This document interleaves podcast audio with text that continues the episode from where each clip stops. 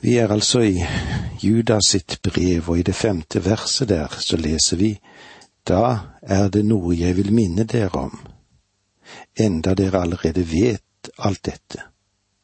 Herren reddet folket ut av Egypt, men senere utryddet han dem som ikke ville tro. Til skrekk og advarsel så kommer altså Judas frem med tre eksempler som viser hvordan det går de som trosser Guds vilje. Han forutsetter tydeligvis at dette er beretningen som de er fortrolig med, og som de kjenner. Enda dere allerede vet alt dette. Det vil si, nå vil han minne de om hva de har gått igjennom i tidligere tider. Det kommer jo så tydelig frem her, da. Enda dere alt vet dette, Herren han vil redde folket. Og her blir vi gjort kjent med den beretningen som har med jødenes utfrielse av fangenskapet i Egypt å gjøre. Det underfulle som skjedde ved Det røde hav. Og så har vi folkets uforståelige, misfornøyde måte å være på. De var provoserende lydige og det er det som nå trekkes frem. For Herrens straffedom uteble ikke, han ødela dem som ikke trodde. På lignende vis vil altså Judas minne oss om nå. Det vil gå de som trosser Guds vilje, og at de følger sine egne lyster. Da er det noe jeg vil minne dere om, enda dere allerede vet alt dette. Herren reddet jo folket ut av Egypt, men senere utryddet han dem som ikke ville tro. Kvinner og menn er bekymret når de ser utover en verden som er så gjennomsyret av materialisme at det nærmest har gått av hengslene. Vi vet hvordan vi skal sende romskip til fremmede planeter, men hvordan er det vet vi hvordan vi skal kontrollere menneskenaturen her på jorden. Volden den øker jo, skrekken likedan. Uhederlighet og løgn, hva med det, jo det florerer. Og det er lenge siden det var slutt med at ord som kunne sies et ja er et ja, og et en mann er en mann. Hvordan er dette i dag? Hvordan er det hos deg, og hvordan er det hos meg? For eh, noen få år siden sa denne materialistiske generasjon at menneskenaturen blir stadig bedre. Og fordi den blir bedre, så trenger vi ikke alle våre lover og kanskje disse tabuområdene som har vært så viktige, de trenger ikke vi være så nøye med. Så lokket, det blir tatt av. Og hva var det en fant da? Var eh, stedet der spannet var fylt av rosenolje med fylt med noe annet? er det lik en stinkende pøl. Som noen har uttrykt det. Om djevelen ikke finnes, så må mennesket finne djevelen opp for å forklare alt det onde som foregår i vår verden i dag. Det er mye å tenke på her. Det er ikke mulig å fornekte at menneskeslekten er forkvaklet. Ingen av oss synes fullt ut å innse at vi tilhører en rase som totalt har fordervet og blitt fordervet, og at vi lever i en verden som er under Satans kontroll. Tankene som dukker opp med å fjerne lover og fjerne reguleringer for å skape et vidunderlig fritt samfunn, det holder ikke stikk. Men utviklingen de siste årene har fått mennesket til å vende tilbake til det overnaturlige. Uheldigvis har vekten vært lagt på det onde som finnes, på onde ånder. Mennesker har nesten kjent seg tvunget til å tro på det onde og tro på onde ånder for å forklare verdens ondskap. Men eh, Bibelen har jo noe å si oss om dette. Bibelen den er ganske moderne, den skal jeg si deg. Det er Bibelen som forteller oss om at englene som gjorde opprør mot Gud, og om dem som han holder bundet i mørket med evige lenker til dommen på den store dag. I vers seks leser vi slik. og de engler som ikke tok vare på sitt høye verv, men forlot sin egen bolig, dem holder han bundet i mørket med evige lenker til dommen på den store dag.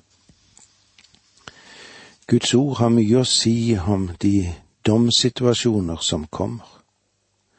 Folk som er uten kunnskap om Bibelen, taler om en stor domsdag som kommer. Vel, dommen ved den store hvite trone kommer en gang i fremtiden for de ufrelste, slik som det står i åpenbaringen 20, 11-15. Jeg så en stor hvit trone og ham som satt på den. Jord og himmel svant bort, for hans åsyn var ikke lenger til. Og jeg så de døde både store og små. De sto foran tronen, og bøker ble åpnet så ble en annen bok åpnet, Livets bok, og de døde ble dømt etter det som sto skrevet i bøkene, etter sine gjerninger. Havet ga nå sine døde tilbake, og døden og dødsriket ga tilbake de døde som var der, og enhver ble dømt etter sine gjerninger. Så ble døden og dødsriket kastet i ildsjøen, og ildsjøen det er den annen død og om noen ikke var skrevet inn i livets bok, ble han kastet i ildsjøen. Men faktisk så er det åtte domsavsigelser nevnt i Guds ord, og godt er det. En av disse åtte dommene er over engler, som vil finne sted under de siste dager. I første Korinterbrev får vi lite litt om oppstandelsens orden. Kristus, han er førstegrøden. Deretter kommer de som tilhører Kristus ved hans komme. Og i første Korinterbrev 15 versene 24 og 25 leser vi slik. Så kommer enden, når han overgir sin kongemakt til Gud Faderen, etter at han har tilintetgjort all makt, myndighet og velde for han skal herske som konge inntil Gud har lagt alle fiender under hans føtter. Så under tusenårsriket vil disse demoniske makter bli dømt. Skriften har faktisk en hel del å si om dommen over engler. La meg få lov til å sitere enda et vers som står i det sjette kapittel i første Korinterbrev og vers tre. Vet dere ikke at vi som skal dømme engler? Da må dere kunne dømme i saker som angår dette liv. Dette er noe vi ikke ville ha visst om om ikke Paulus hadde nevnt det. Vi skal være sammen med Vår Herre under tusenårsriket. Og antagelig i løpet av denne perioden av Kristi regjeringstid på jorden vil det være en dom over engler selv om vi blir skapt lavere enn englene, så skal vi en dag ta del i deres dom. Peter, han gir oss en henvisning til dommen over englene som korresponderer med det Judas formulerer, slik som det står i 2. Peter 2,4. For Gud skånte ikke de engler som hadde syndet, men styrtet dem ned i avgrunnen hvor de holdes i varetekt i mørke huler inntil dommen. Den gamle oversettelsen blant annet har dette å si oss. Dem, altså englene, holder han i varetekt i evige lenker under mørket. Her må vi ikke tenke på lenker som stålprodukter. For åndelige skapning kan ikke holdes med fysiske lenker. Det tenkes her bare på at de blir godt bevoktet og tatt vare på. Den andre gruppen med falne engler er demonene som også fungerer i dagens verden. Demoniske krefter, de er en realitet. Selv om jeg av og til synes at det er en overbetoning, og det kan mistolkes i enkelte kretser. Men det som er klart for oss, er at åpenbaringsboken, den har klare henvisninger til dommen over de falne engler. Og som det står i vers 10 kapittel 20 i åpenbaringsboken. Og djevelen som forførte dem, ble kastet i sjøen med ild og svovel, hvor også dyr og den falske profet er. Der skal de pines dag og natt i all evighet. Og med disse ordene må vi si takk for nå. Må Gud være med deg. Dette undervisningsprogrammet består av to deler. Åge Nevland fortsetter nå med andre del av dagens undervisning. Vi er i det avsnittet som vi kan kalle for Judas sitt brev, og eh, det vi er innom nå når vi er kommet til det femte og sjette verset, er de tre skremmende eksempler på hvordan det er Gud vil dømme både engler og oss som individ. Og eh, vi avsluttet når vi var sammen sist, åpenbaringsboken som viser om at djevelen som forførte dem, han ble kastet i ildsjøen sammen med englene. Men la oss nå lese sammen det som vi finner i brevet som Judas har skrevet til oss i det sjette verset der. Og de engler som ikke tok vare på sitt høye verv, men forlot sin egen bolig, dem holder han bundet i mørket med evige lenker til dommen på den store dag. Her får vi altså den andre advarende eksempelet som Judas tar fram. De engler som ikke tok vare på sin høye stand, men forlot sin høye bolig. Det som kommer frem her, er at det er himmelske vesener, dette. Gudesønner eller englers fall. Det jødiske skrift som vi finner i Enok sin bok, har en lengre beskrivelse av dette englefallet. Du kan lese om dette i det sjette kapitlet. Det er mulig at dette er det skrift som Judas henviser til nå. De forlot sin himmelske eller sin egen himmelske bolig. Og så skjedde det da slik at eh, de pleide sin egen seksuelle omgang med menneskenes døtre. Hele deres oppførsel var stikk i strid med deres høye bestemmelse. Men så skjedde det jo at straffen innhentet dem, og de holdes i varetekt i evige lenker under mørket til dommen på den store dag.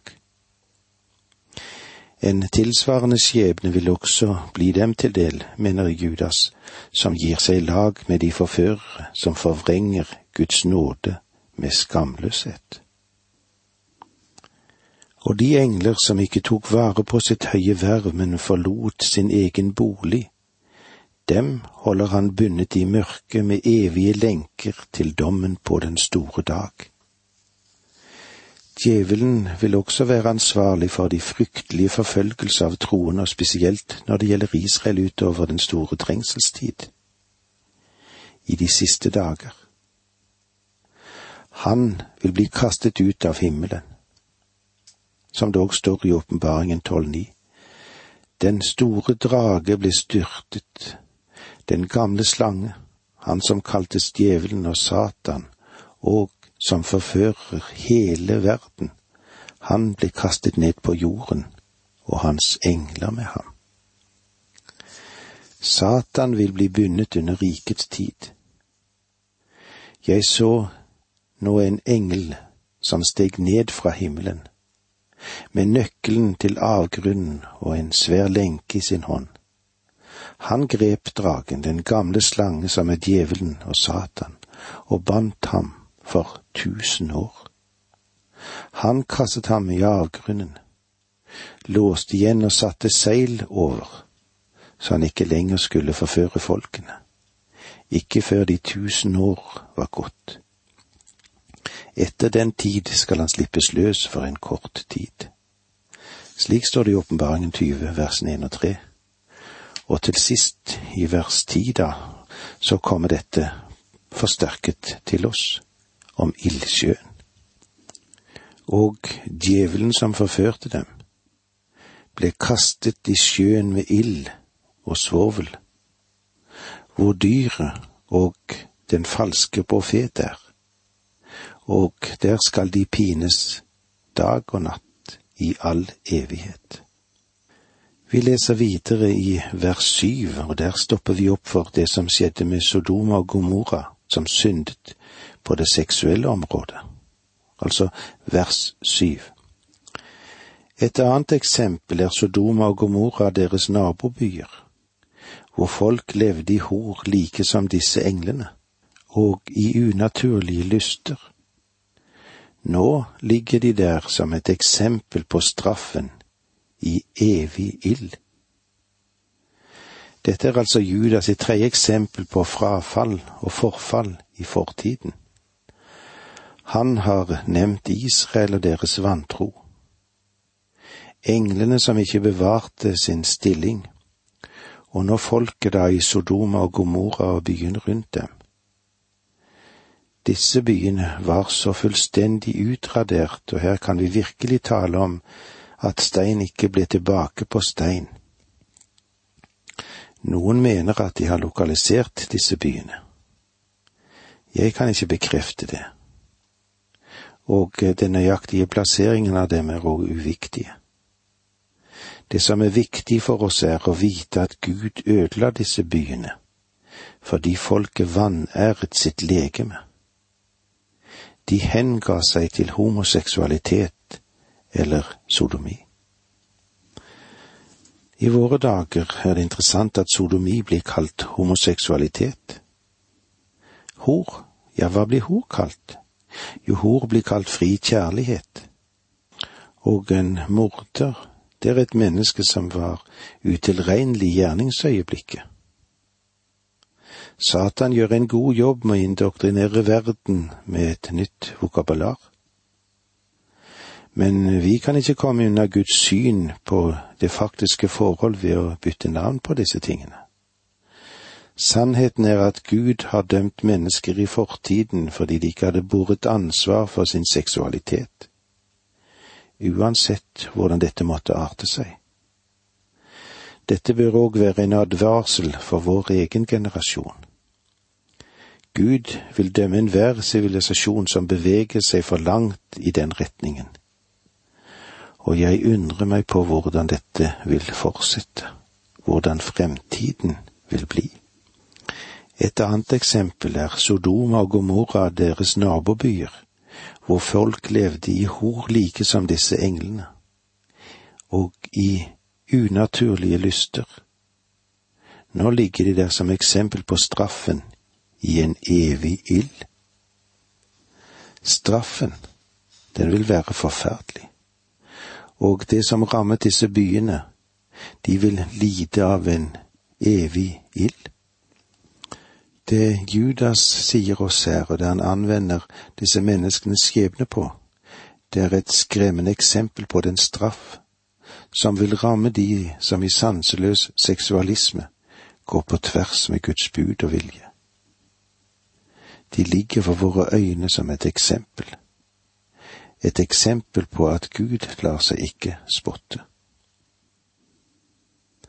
Vi går nå over til vers åtte, og her vil vi kanskje se litt om moderne forvrengte lærere og hvordan de beskrives.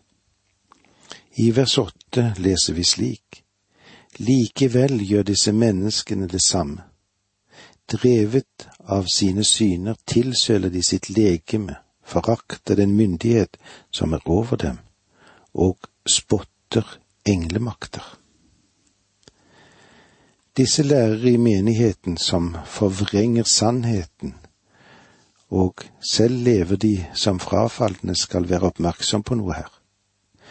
Det Judas sier i vers fire, så har det altså sneket seg inn noe.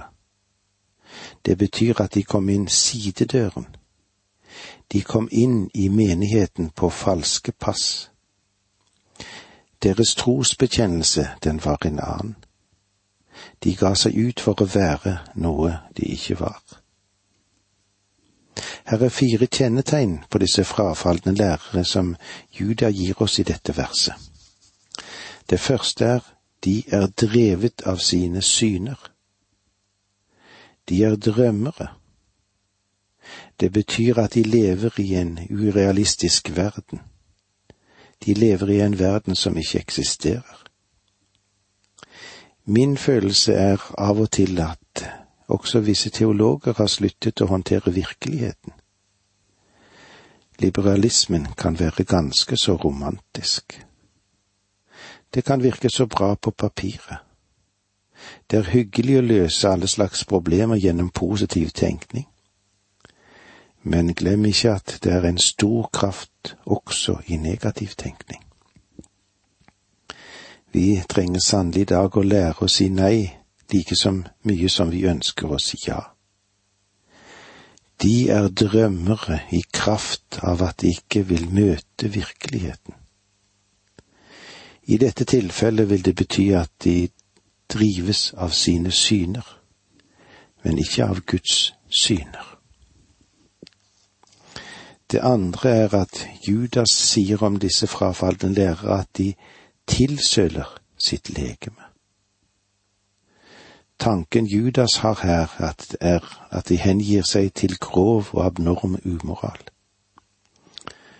Dette er jo det samme som den hore innbyggerne i Sodoma og Gomorra levde i, som Judas allerede har nevnt. Disse lærerne snek seg inn i menighetene for å få dem til å godta samfunnet, det som Guds menighet åpenbart ikke kunne godta, uten å si farvel til vesentlige sider av sin bekjennelse. Og den Gud som ikke sparer engler, vil heller ikke spare mennesker. Judas gir oss en rekke eksempler på som forteller at Gud også vil dømme vår nye moral. Den er verken en ny moral eller en ny umoral. Det er ikke noe nytt ved den. Det er sagt at djevelen skifter ikke karakter, han skifter bare maske. Og det er også sant om synden i verden. Det som foregår i vår moderne tid, går tilbake til Sodoma og Gomorra. Ja, det går òg tilbake til dagene på Noas sin tid. Og med disse ordene må vi si takk for nå, må Gud være med deg.